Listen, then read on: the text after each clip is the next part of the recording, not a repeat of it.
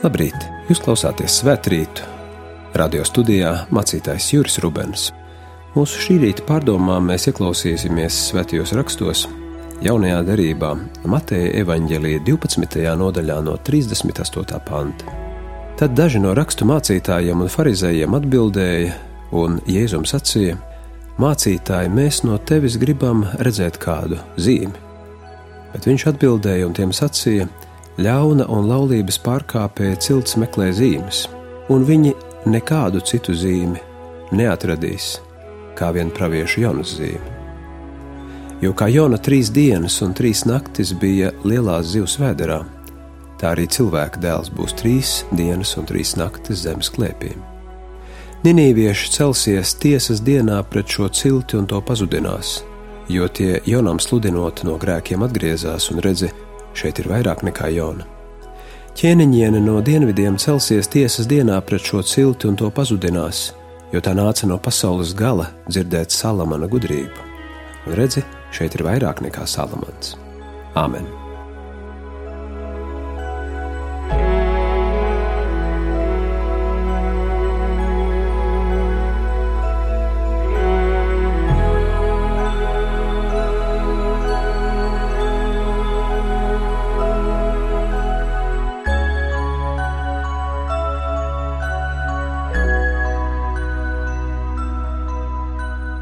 Daudzi kristīgie skolotāji ir uzsvēruši, ka viens no lielākajiem un grūtākajiem uzdevumiem garīgajā ceļā ir spēt paturēt tā saucamo iesācēju garu.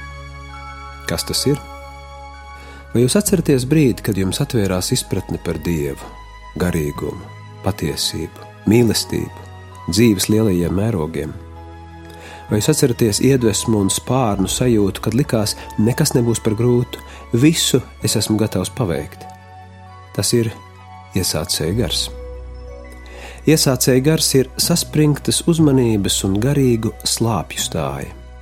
Es atceros, kā viens no maniem pirmajiem skolotājiem kāda garīga pasākuma sākumā sacīja: Es priecājos, ka šeit ir klātesoši daudzi iesācēji.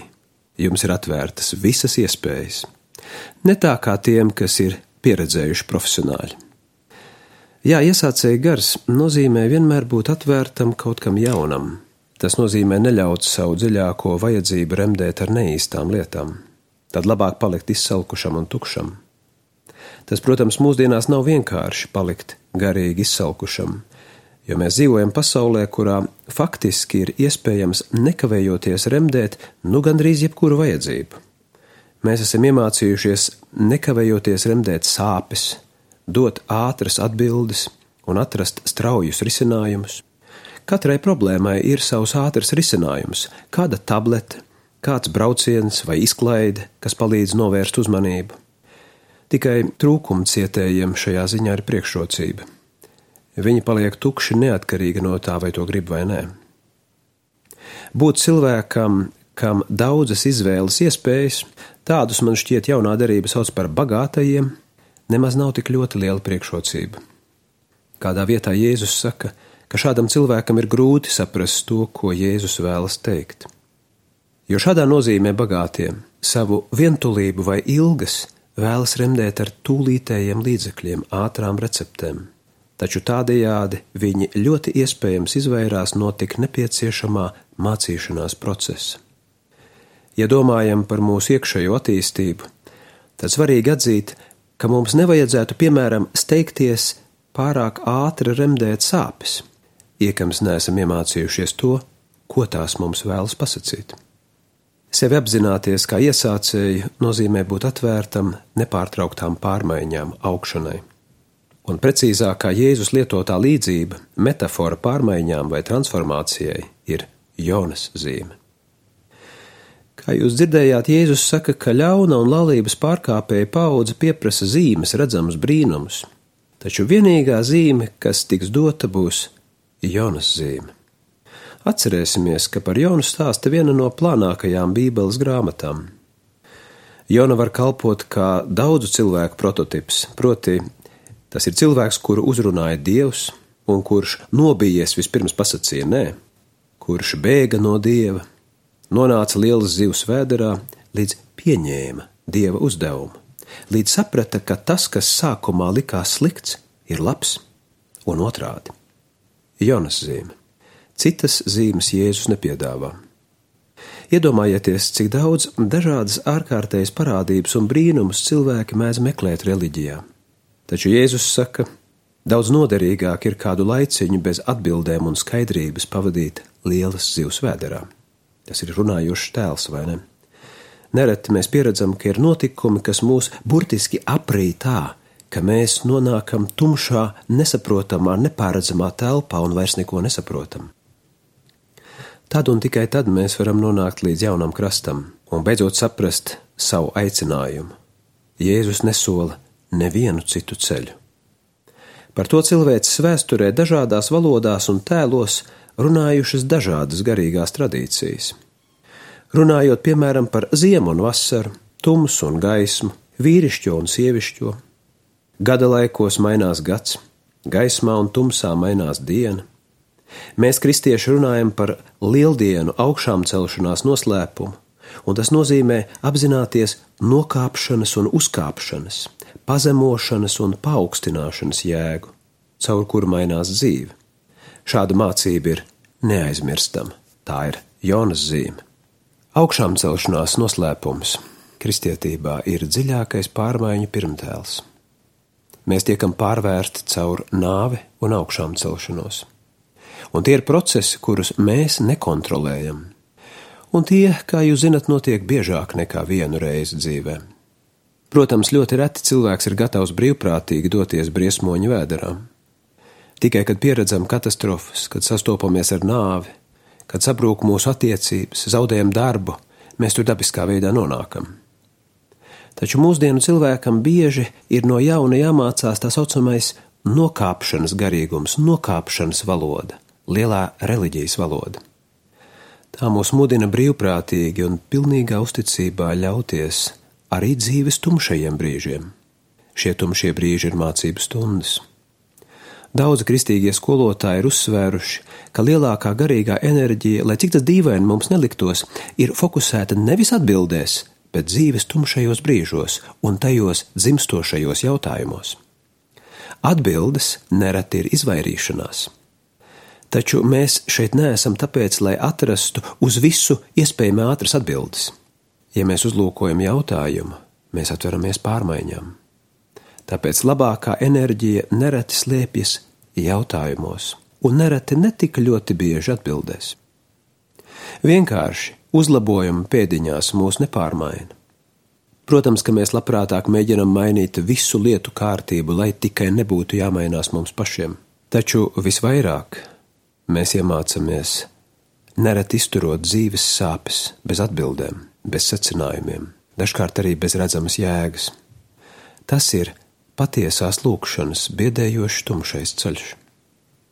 Lielā 20. gadsimta kristīgā domātāja un mistiķe Simona Veila reiz sacīja: Žēlastība rāda mūsos tukšumu, vakumu, un vienīgi žēlastība var to piepildīt. Žēlastība mūs aizved līdz iztukšošanās stāvoklim, līdz tādai pieredzei, kurā mēs izmisumā jautājam, ko gan tas viss nozīmē. Vislabprātāk es nevēlētos vairs rīt pamosties. Vienīgā atbilde šo jautājumu ir paradoxālais apgalvojums, Kādu dienu tu to sapratīsi. Kādu dienu šis sāpju bezdibens paliks aiz muguras.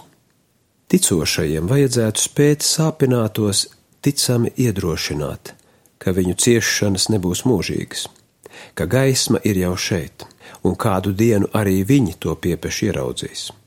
Ka pašreiz piedzīvotais nav viss, uz to mēs drīkstam paļauties, un mums nav nepieciešams mēģināt visu pārāk ātri atstāt aiz sevis. Piemēram, neviens nevar pārliekt pavisam personiskajam sērošanas laikam. Mēs nedrīkstam izlaist darbu ar izmisumu, mēs nedrīkstam apspiest vai paslēpt jūtas. Tāpēc mūsu dzīvē vienmēr būs arī skumjas un tumšas dienas. Agrākajos laikmetos šos periodus uztvēra kā zināmu inkubācijas laiku, laiku, kas sagatavo pārmaiņām vai kā nepieciešamo ziemas miegu. Tā ir Jonas zīme.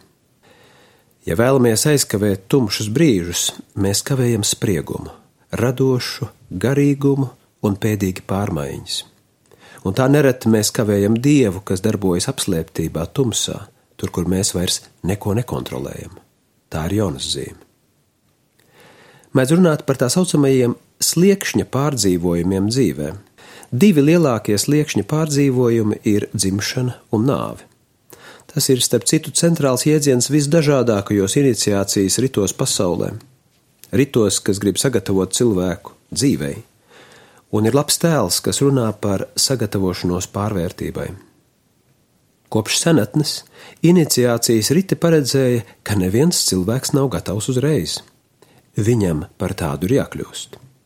Un svarīgākā pieredze, ar kuru jauns cilvēks satikās iniciācijas ritā, bija zaudējumu un sāpju pieredze. Skaidrs, ka jebkurš jauns cilvēks atbilstoši savai dabai vēlas tikai progresēt, kāpt uz augšu.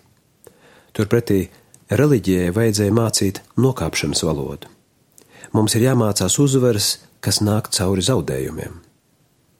Pie iniciācijas ritiem jauns cilvēks tika izņemts no ikdienišķās pasaules un ikdienišķajām darbībām un nolikts uz esības sliekšņa. Tas saistījās ar gatavību brīvprātīgi nošķirties no līdzšinējās dzīves lai varētu notikt pārmaiņas apziņā, dzīves perspektīvā vai īsi sakot sirdī. Viņam bija jāizbīstas līdz nāvei, lai viņš iemācītos, ka šī pasaule nav vienīgā pasaule. Ir vēl kāda cita, daudz lielāka un visaptverošāka pasaule, kas šo mūsu parasto pasauli gan relativizē, gan padara noslēpumaini skaistu. Tā ir Jonas zīme. Bieži cilvēki vēlas dzirdēt tikai to, ko viņi jau pazīst. Arī baznīcā cilvēki grib atnākt un dzirdēt, ka kāds apstiprina tikai to, ko viņi jau zina. Jonas zīme biedē, jo tā nozīmē, ka pēkšņi arī baznīcā es varu nonākt pilnīgi man vairs nekontrolējamā teritorijā. Tāds ir garīgais ceļš. Te ir svarīgi atgādināt lielā mistiķa Krusta Jāņa vārdus: mērķi, ko tu nepazīsti, var sasniegt tikai dodoties ceļā, ko tu nepazīsti. Tā ir Jonas zīme. Un Jonas zīme ir vienīgā zīme, kas tiks dota, saka Jēzus, visiem iesācējiem vai pieredzējušajiem. Sekot Kristum nozīmē neko vairs nekontrolēt. Jonas zīme vienīgi tā cilvēku maina. Un no tās stingri ņemot, nevienam nav iespējams izvairīties. Jonas zīme saka, no dieva nevar izbēgt, bet īstenībā no viņa arī nevajag bēgt. Nespēt izbēgt no dieva ir skaisti. Āmen! Mēs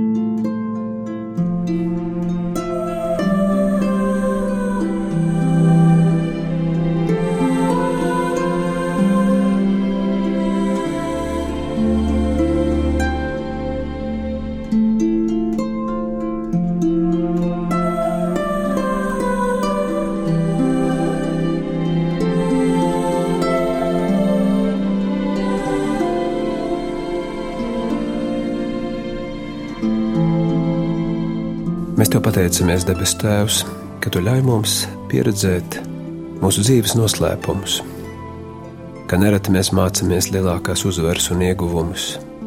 Ne tajos brīžos, kad mēs daudz ko sasniedzam, bet arī zaudējumu, sāpju un pazemojumu brīžos. Kopā ar Tevi mēs mācāmies saprast arī tumšo brīžu nozīmi mūsu dzīvēm ka mēs drīkstam pieredzēt, ka tieši tie brīži ir brīži, kuros mēs varam patiesi visvairāk mainīties. Mēs pateicamies par šo dažādo tavu darbu pie mums.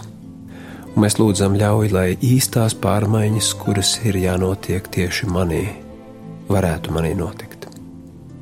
Es saku šīm pārmaiņām, jā, es uzticos tām. Es saku Jonas zīmē, jā, es ar mums visos mūsu dzīves ceļos, kad mēs Jēzus vārdā tā lūdzam. Mūsu Tēvs debesīs, svētīts lai top tavs vārds, lai nāk tava valstība, tavs prāts, lai notiek kā debesīs, tā arī virs zemes. Mūsu dienascho maizi dod mums šodien, un piedod mums mūsu parādus, kā arī mēs piedodam saviem parādniekiem. Un neieved mūsu kārdināšanā, bet atpestī mūs no ļauna, jo tev pieder valstība, spēks un gods mūžīgi mūžos. Āmen!